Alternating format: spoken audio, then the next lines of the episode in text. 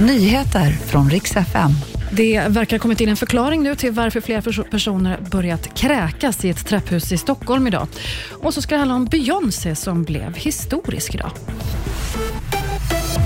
Nu verkar det ha kommit en förklaring till varför flera personer började kräkas i ett trapphus. Först i Upplands Väsby. Man fick spärra av trapphuset i jakt på om det till exempel utsatts för någon kemikalie. Men nu verkar man ha fått ett svar. Det verkar röra sig om plötsliga sjukdomsfall trots allt.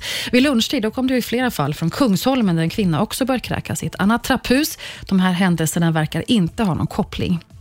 Tesla-konflikten fortsätter och nu går även LO och Seko in med flera sympatiåtgärder och skriver att om inte Tesla möter IF Metalls krav på kollektivavtal, ja, då tänker de också stoppa allt underhåll, service och etablering av Teslas laddstationer. Flera fackförbund stöttar nu IF Metall i strejken som har pågått i snart fyra månader.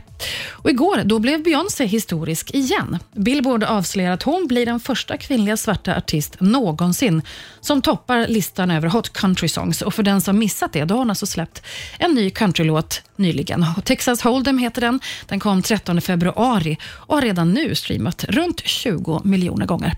Jag heter Maria Granström och det var nyheterna.